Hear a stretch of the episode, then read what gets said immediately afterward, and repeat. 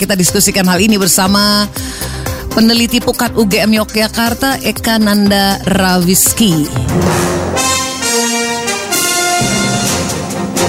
Pak Eka, bagaimana tanggapan Anda dengan uh, berhasil ditangkapnya Joko Chandra oleh Polri? Baik, terima kasih Mbak Nadia.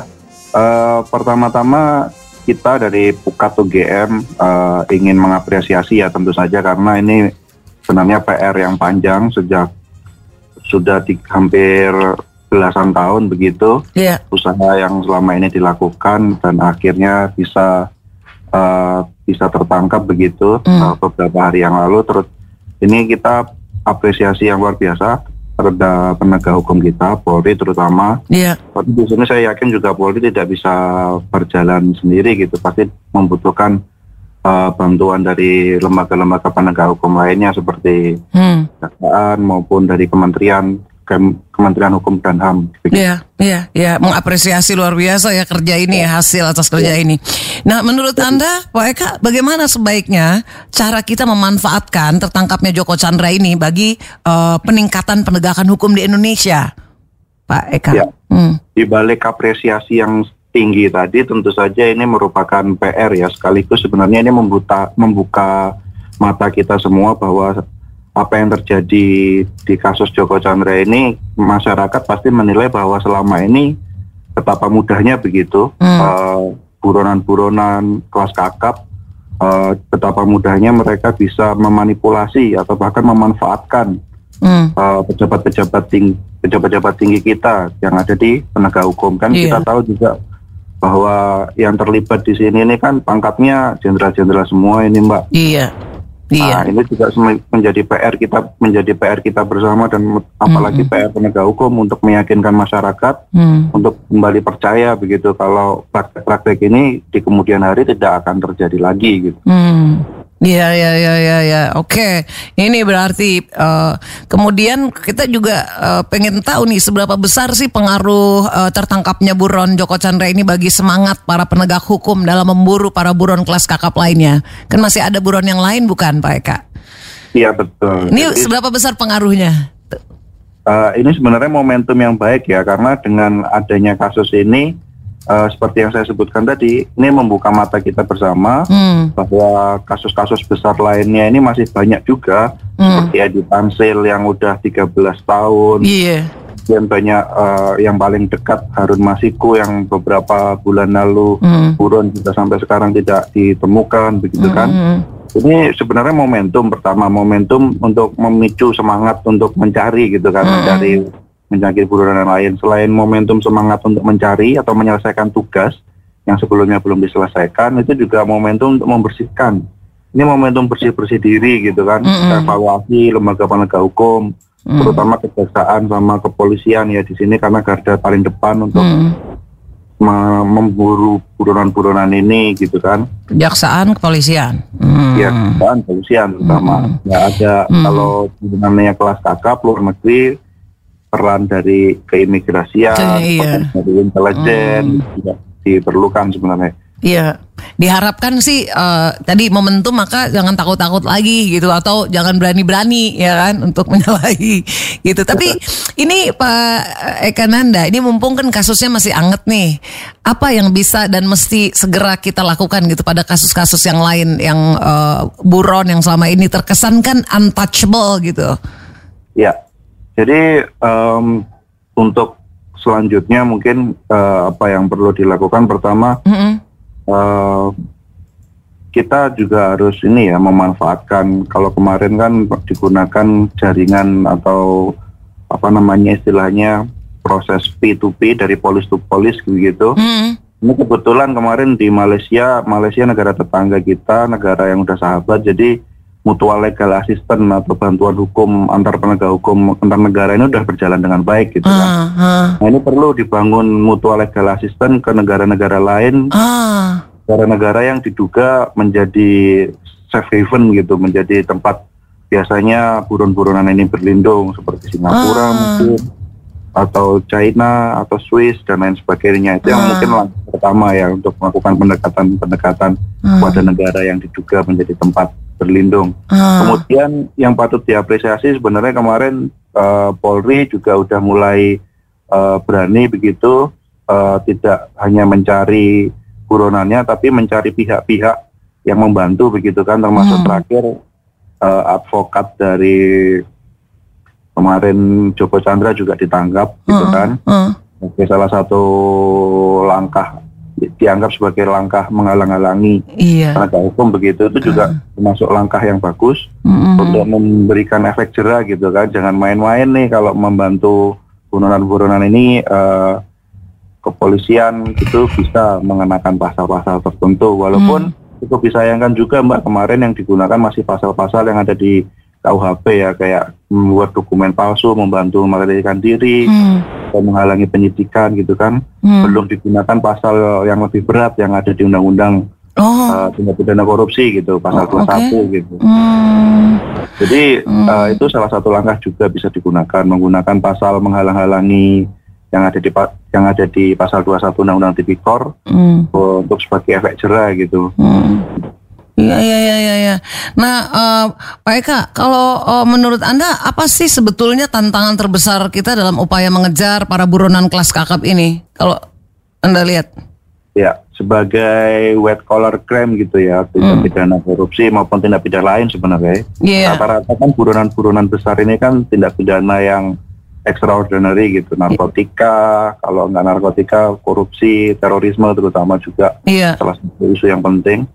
Nah ini sebenarnya kendala utama kita selain kurangnya mutual legal assistance kerjasama penegakan hukum antar negara tadi, hmm. selain itu dari faktor uh, eh, SDM juga sebenarnya SDM atau hmm. kelembagaan penegak hukum kita sendiri yang yang kurang kurang apa ya kurang canggih sebenarnya kalau oh, dibandingkan oh gitu? dengan hmm. dibandingkan dengan uh, Eh, penegak-penegak hukum di negara-negara lain. Nah, kurang canggihnya ini kan kita juga harus mengevaluasi begitu. Uh. Uh, dari mana instrumennya? Uh, apakah instrumen hukumnya yang membuat mereka menjadi kurang canggih, uh. atau memang uh, emang apa ya goodwillnya sendiri yang tidak tidak begitu baik sehingga kasus-kasus uh, tersebut menjadi terkesan ditelantarkan begitu kan? Hmm. Kalau kalau ingin mesti ditelaah lebih jauh di bagian mananya ya. ya Karena tadi uh, STM ber, uh, SDM tadi Anda bilang, terus sistemnya gimana? Kalau secara sistem sebenarnya uh, untuk mem, untuk apa ya mem, mem, untuk dapat bekerja sama dengan negara lain tuh emang butuh effort, Mbak. Hmm. Karena itu kan setiap negara itu pada dasarnya kan uh, tidak ingin dicampuri negara lain begitu untuk urusan hukumnya prinsipnya sih seperti itu. Iya ya. Hmm. terkait terkait jurisdiksi jurisdiksi negara masing-masing begitu kan. Hmm. hmm, hmm nah, itu hmm. memang butuh kerjasama. Jadi prosesnya memang prosesnya memang tidak tidak tidak mudah untuk melakukan itu. Hmm. Tapi di era di era keterbukaan informasi begitu kayak di era globalisasi yang sekarang ini, mm -hmm. Uh, saya rasa jarak waktu kemudian untuk melakukan kerjasama antar negara itu yeah. sudah jauh lebih mudah dibandingkan beberapa mm. tahun yang lalu. Uh, pertukaran informasi data itu sudah berjalan dengan baik kan mm. sekarang sudah mm. berbeda seperti dengan 5-10 tahun yang lalu. Mm. Jadi saya yakin untuk mengejar-mengejar kasus lama atau nanti kalau ada kasus buron baru, saya yakin sebenarnya polisian mampu, hmm. sebenarnya mampu untuk, untuk bekerja lebih maksimal. Iya. Kalau kita dengar penjelasan dari uh, kabar reskrim Polri itu kan katanya penangkapan Joko Chandra ini instruksi langsung dari Presiden gitu. Kepada Kapolri. Nah, kenapa Presiden nggak menginstruksikan langsung aja kepada buron-buron yang lain, sehingga bisa tertangkap gitu ya kan? Menurut Anda gimana? Ya, ini sebenarnya begini Mbak. Kema uh, selain kita mengapresiasi Polri gitu kan bahkan kemarin katanya uh, dijanjikan mendapatkan kenaikan pangkat atau apa gitu kan bagi penegak hukum yang berhasil gitu. Uh. Selain mengapresiasi penegak hukum kita, kita juga sebenarnya mengapresiasi masyarakat begitu ya. Uh. Masyarakat Indonesia sekarang ini kan uh, udah nggak seperti dulu gitu. Uh. Sekarang ini sangat kritis sekali. Uh, uh, contohnya di kasus di kasus Joko Chandra ini maki ya masyarakat anti korupsi. Indonesia hmm. itu sangat getol sekali memberikan data-data informasi bahkan sebenarnya sifatnya informasi intelijen Hmm. karena berhasil memberi menunjukkan foto, menunjukkan dokumen, Ah. gitu kan? Jadi menurut Anda ini juga berhasil karena keterlibatan partisipasi masyarakat-masyarakat ya? Hmm. Partisipasi masyarakat ini Oke. sangat penting. Hmm. Nah, mungkin ya karena karena kemarin menyita atensi publik begitu dan Pak Jokowi kebetulan lagi concern, jadi mungkin eh, itu yang menjadi concern beliau. Oh gitu, oke. Karena dibahas banyak orang akhirnya, wah ini harus gitu. Oh bisa jadi ke sana ya. Tapi kan sebetulnya ini bagus ya kan. Juga apa dampaknya bagus juga ke depan karena kita kan sudah gemes juga dengan eh, apa namanya banyak buron kelas kakap maksudnya di level-level atas gitu yang eh, nggak nggak ketangkep juga gitu apa yang terjadi. Anda lihat ada mm, unsur aspek eh, moralitas juga nggak di sana keterlibatan para kelas eh, pejabat tinggi kelas atas itu. Betul, makanya tadi di awal saya eh, sedikit menyinggung tentang SDM ya, tentang isu kelembagaan masing-masing lembaga penegak hukum ini. Di, Oke. di lembaga penegak hukum ini saya rasa eh, isu utamanya, masalah utamanya itu kurangnya kesadaran tentang konflik of interest atau atau apa ya, ya Ah, konflik of interest lah. itu.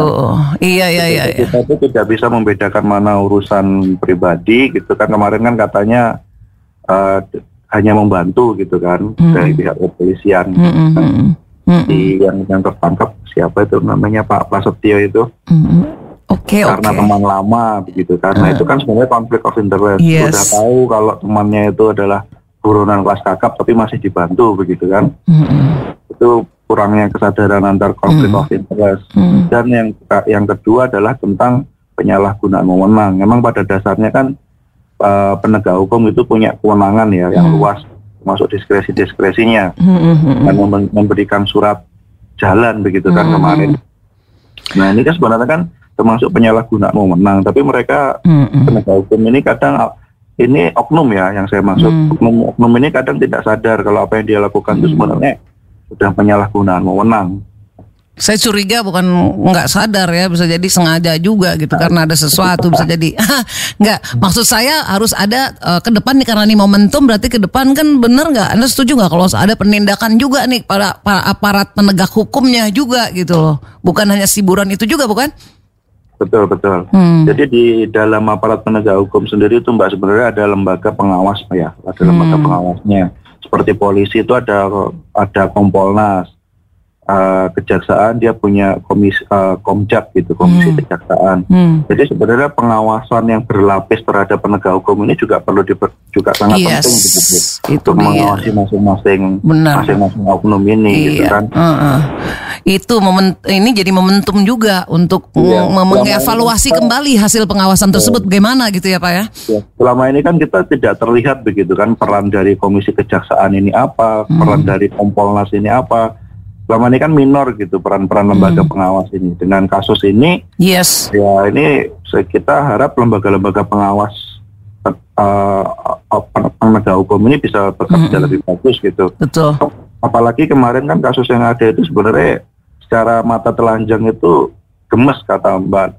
Jadi kan sangat terlihat sekali begitu. Iya, Makanya kentara lah. Mm-mm. sangat sangat Iya. ketara lah. Heeh. Maksud saya ke depannya itu eh, harusnya tindakan juga dilakukan bagi eh, tadi oknum-oknum eh, di, di apa penegak hukum tersebut gitu. Momentum ini harus digunakan itu gitu Pak Kananda.